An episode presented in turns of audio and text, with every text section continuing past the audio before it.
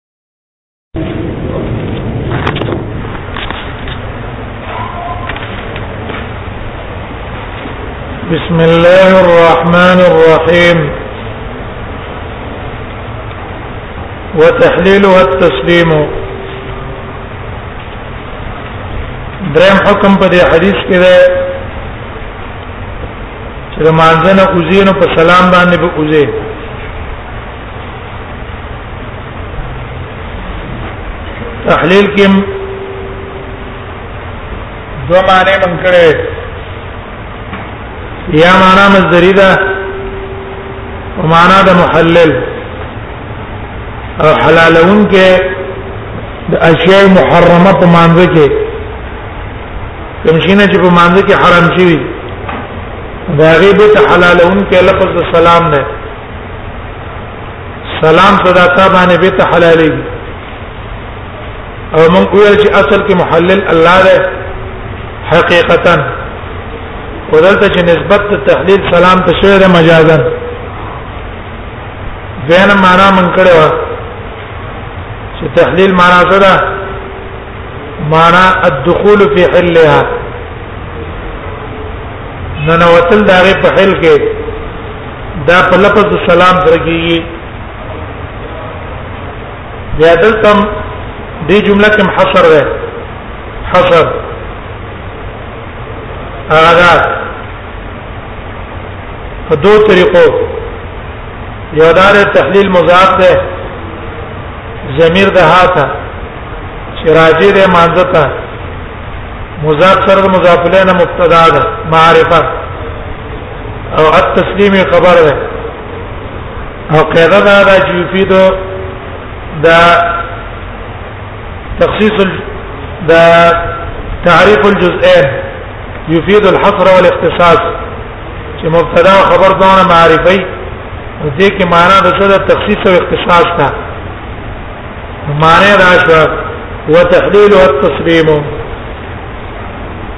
خاص حلالون کې دا صرف څه شی دی الصلاه من دا سلام دی یا به موجه من دا ذکر کړي وا به موجه حسر تحلیل مضاف دی ها ضمیر ته مانزه تراجه دی او اضافت کی معنا د عمومي معنا څه د جميع او ما يحل بها الصلاه التسليم ټول هغه شی چې سره په د مانځنه اوزي او د مانځنه په حلاليږي هغه صرف سلام دی بس بل شي نه ده اوس د حصر د وجنه د دې سلام کې د علما اختلاف دی چې هغه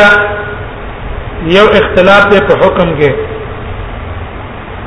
د جمهور علما مذهب دا دی چې سلام فرض دی کله مانځنه په سلام باندې اونوته او په نور داسې اعمال دی وکړه چې منافی د مانځ سره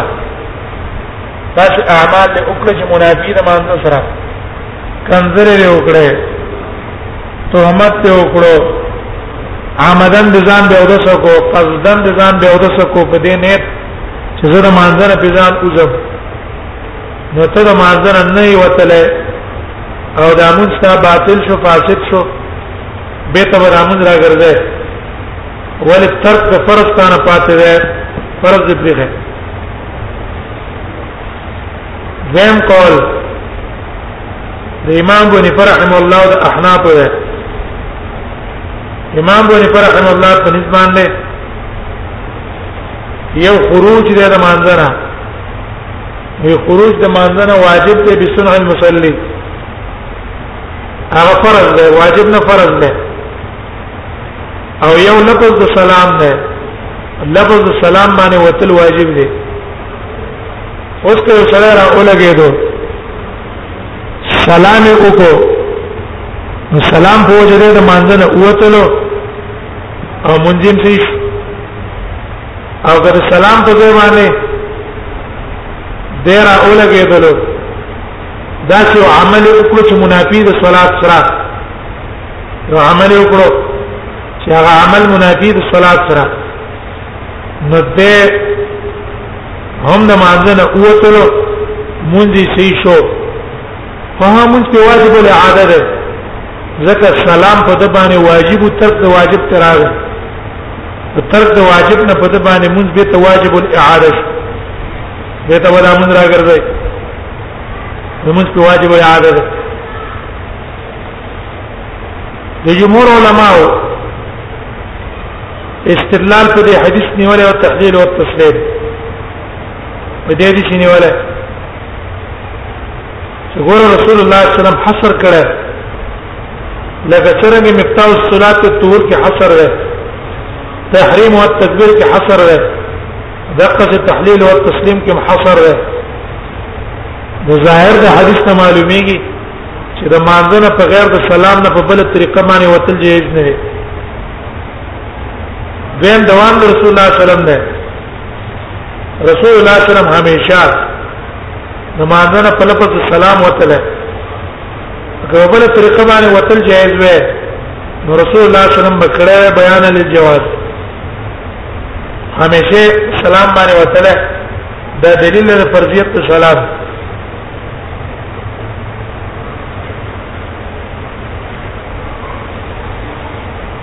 دلیل د احناف علماء سره د احناف دویم دلیل د احناف امام بن فرحم الله وايي چې خروج به سنن مصلی فرض ده او وتل په لفظ السلام باندې واجب دي داغه د پاره یو دلیل هغه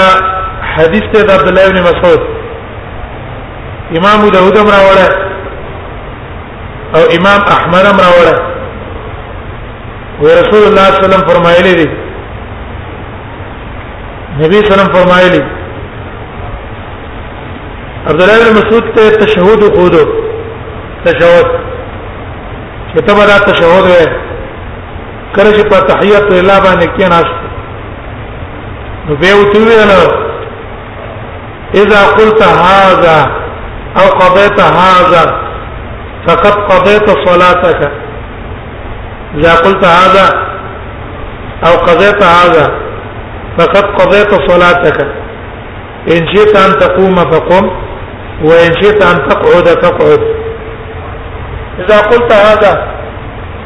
وکړه چې دا تحیات لله ویل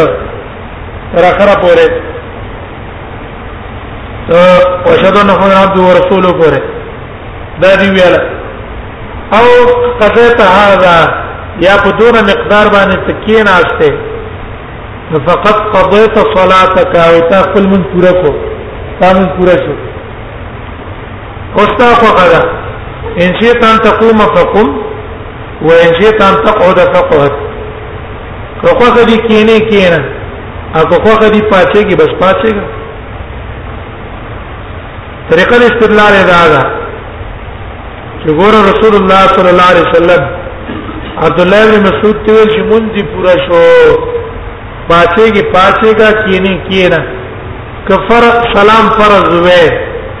رسول الله صلی الله علیه وسلم بده ته ویل چې سلام وګرځوا اتا سلام پاتې ده کوم معلوم شو چې سلام فرض نه ده او هو واجب او تمند دي حدیث د وجه نه ویل چې وتحلیل او تسلیم نو د دې حدیث د وجه نه من سلام واجب ویل او نفس خروج په یو عمل منافیه د صلات خروج په یو عمل منافیه د صلات هغه بس فرض وګڼلو دویم استدلال لري دا ده وګوره رسول الله صلی الله علیه وسلم هغه صحابي چې په مانځ کې خطا شوی هغه حدیث مشهور دی په مسیء الصلاه حدیث مسیء الصلاه چې مونږ کې خدای کړو نو رسول الله صلی الله علیه وسلم هغه ته طریقه د مانزه خودله هغه ته نبی صلی الله علیه وسلم چې ویل هغه ته نبی صلی الله علیه وسلم د مونږ طریقه خودله چې مونږ کې په دې طریقو کا او دسو کا قبله ته مخ کا به را پلان کې او کا پلان کې نو په هغه حدیث کې رسول الله صلی الله علیه وسلم مسیء الصلات ته سلام نه خو دره مسیء الصلات ته رسول الله صلی الله علیه وسلم سلام نه خو دره نو که چرته سلام ګرځول فرض وې لعلمه النبي صلی الله علیه وسلم ایاه نبی صلی الله علیه وسلم بدا سلام مسیو الصلات ته خودله چې ګوره د مانځنو به په سلام باندې اوځي او په نور طریقو د مانځنه نشي وتله چې هغه ته اون خودو دا دلیل لري خبره چې دا سلام باندې د مانځنه وتل دا فرض نه دی بلکې واجب دی دا دې دلیل لیکن جمهور علما جواب کړه جمهور علما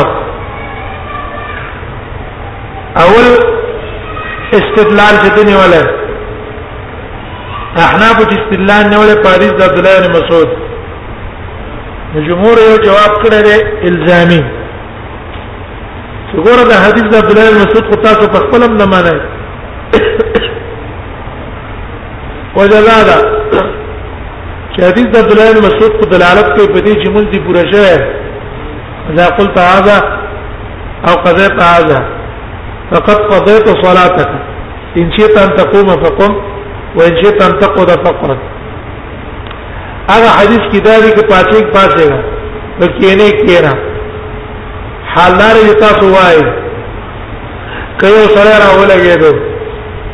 د قیدې نه رستم دقه صفات او سلام اونګه ګرځاو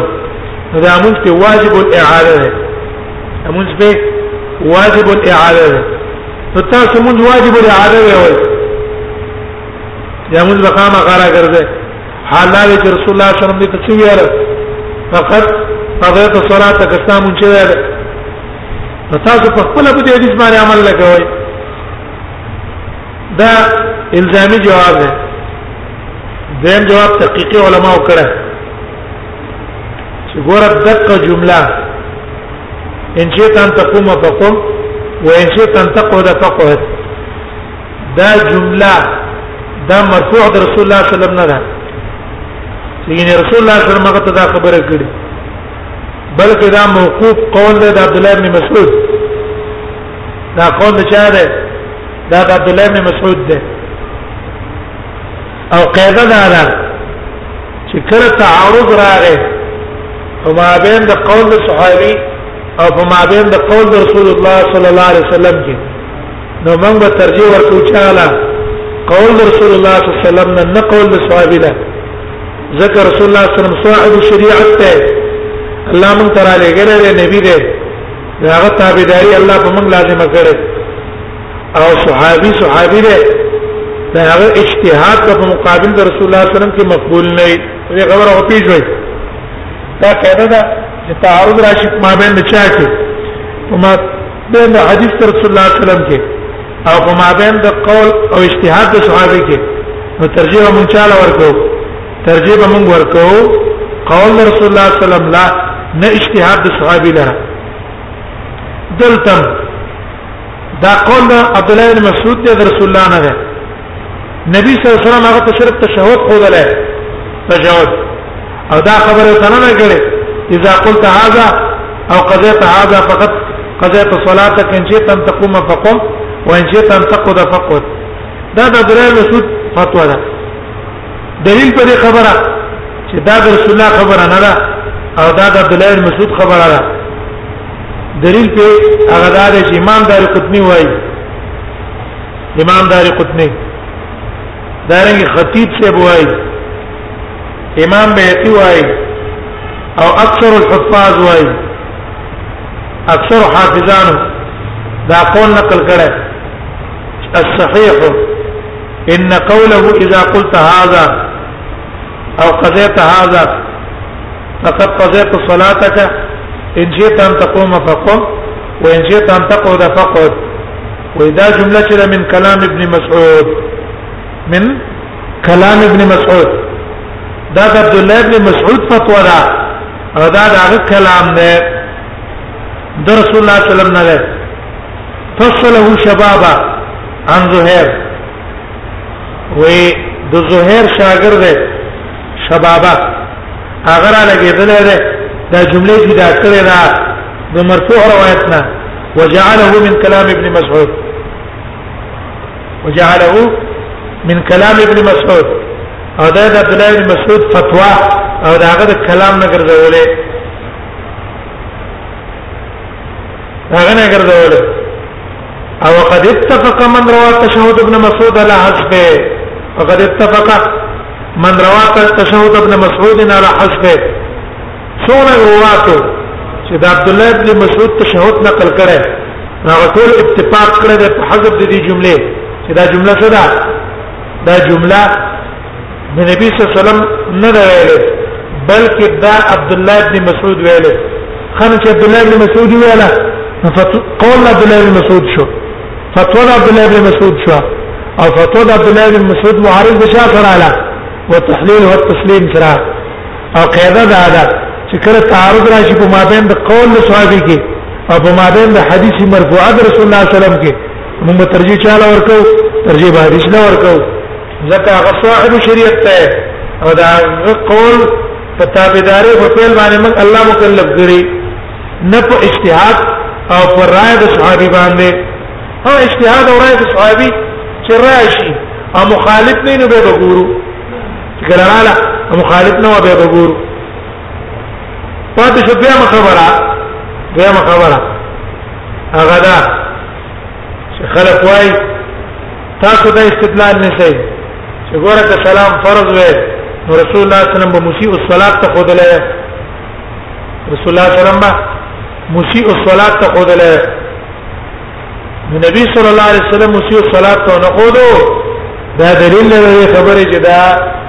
فرض نه ده جواب دا غنه ده چې ډیر د شي احکام شته چې احناف متواجب او فرض وایي او حدیث د مسیح صلات کې ذکر شوی نه دی نو تاسو د کوم دینو ته فرض وایي ډیر د شي احکام او مسائل دي چې رسول الله صلی الله علیه وسلم مسیح صلات ته خو دې نه دی رسول الله صلی الله علیه وسلم مسیح صلات ته خو دی او دا غي سره سره تاسو ته څه وایي واجب متوي فرض متوي وایي ولي متوي وایي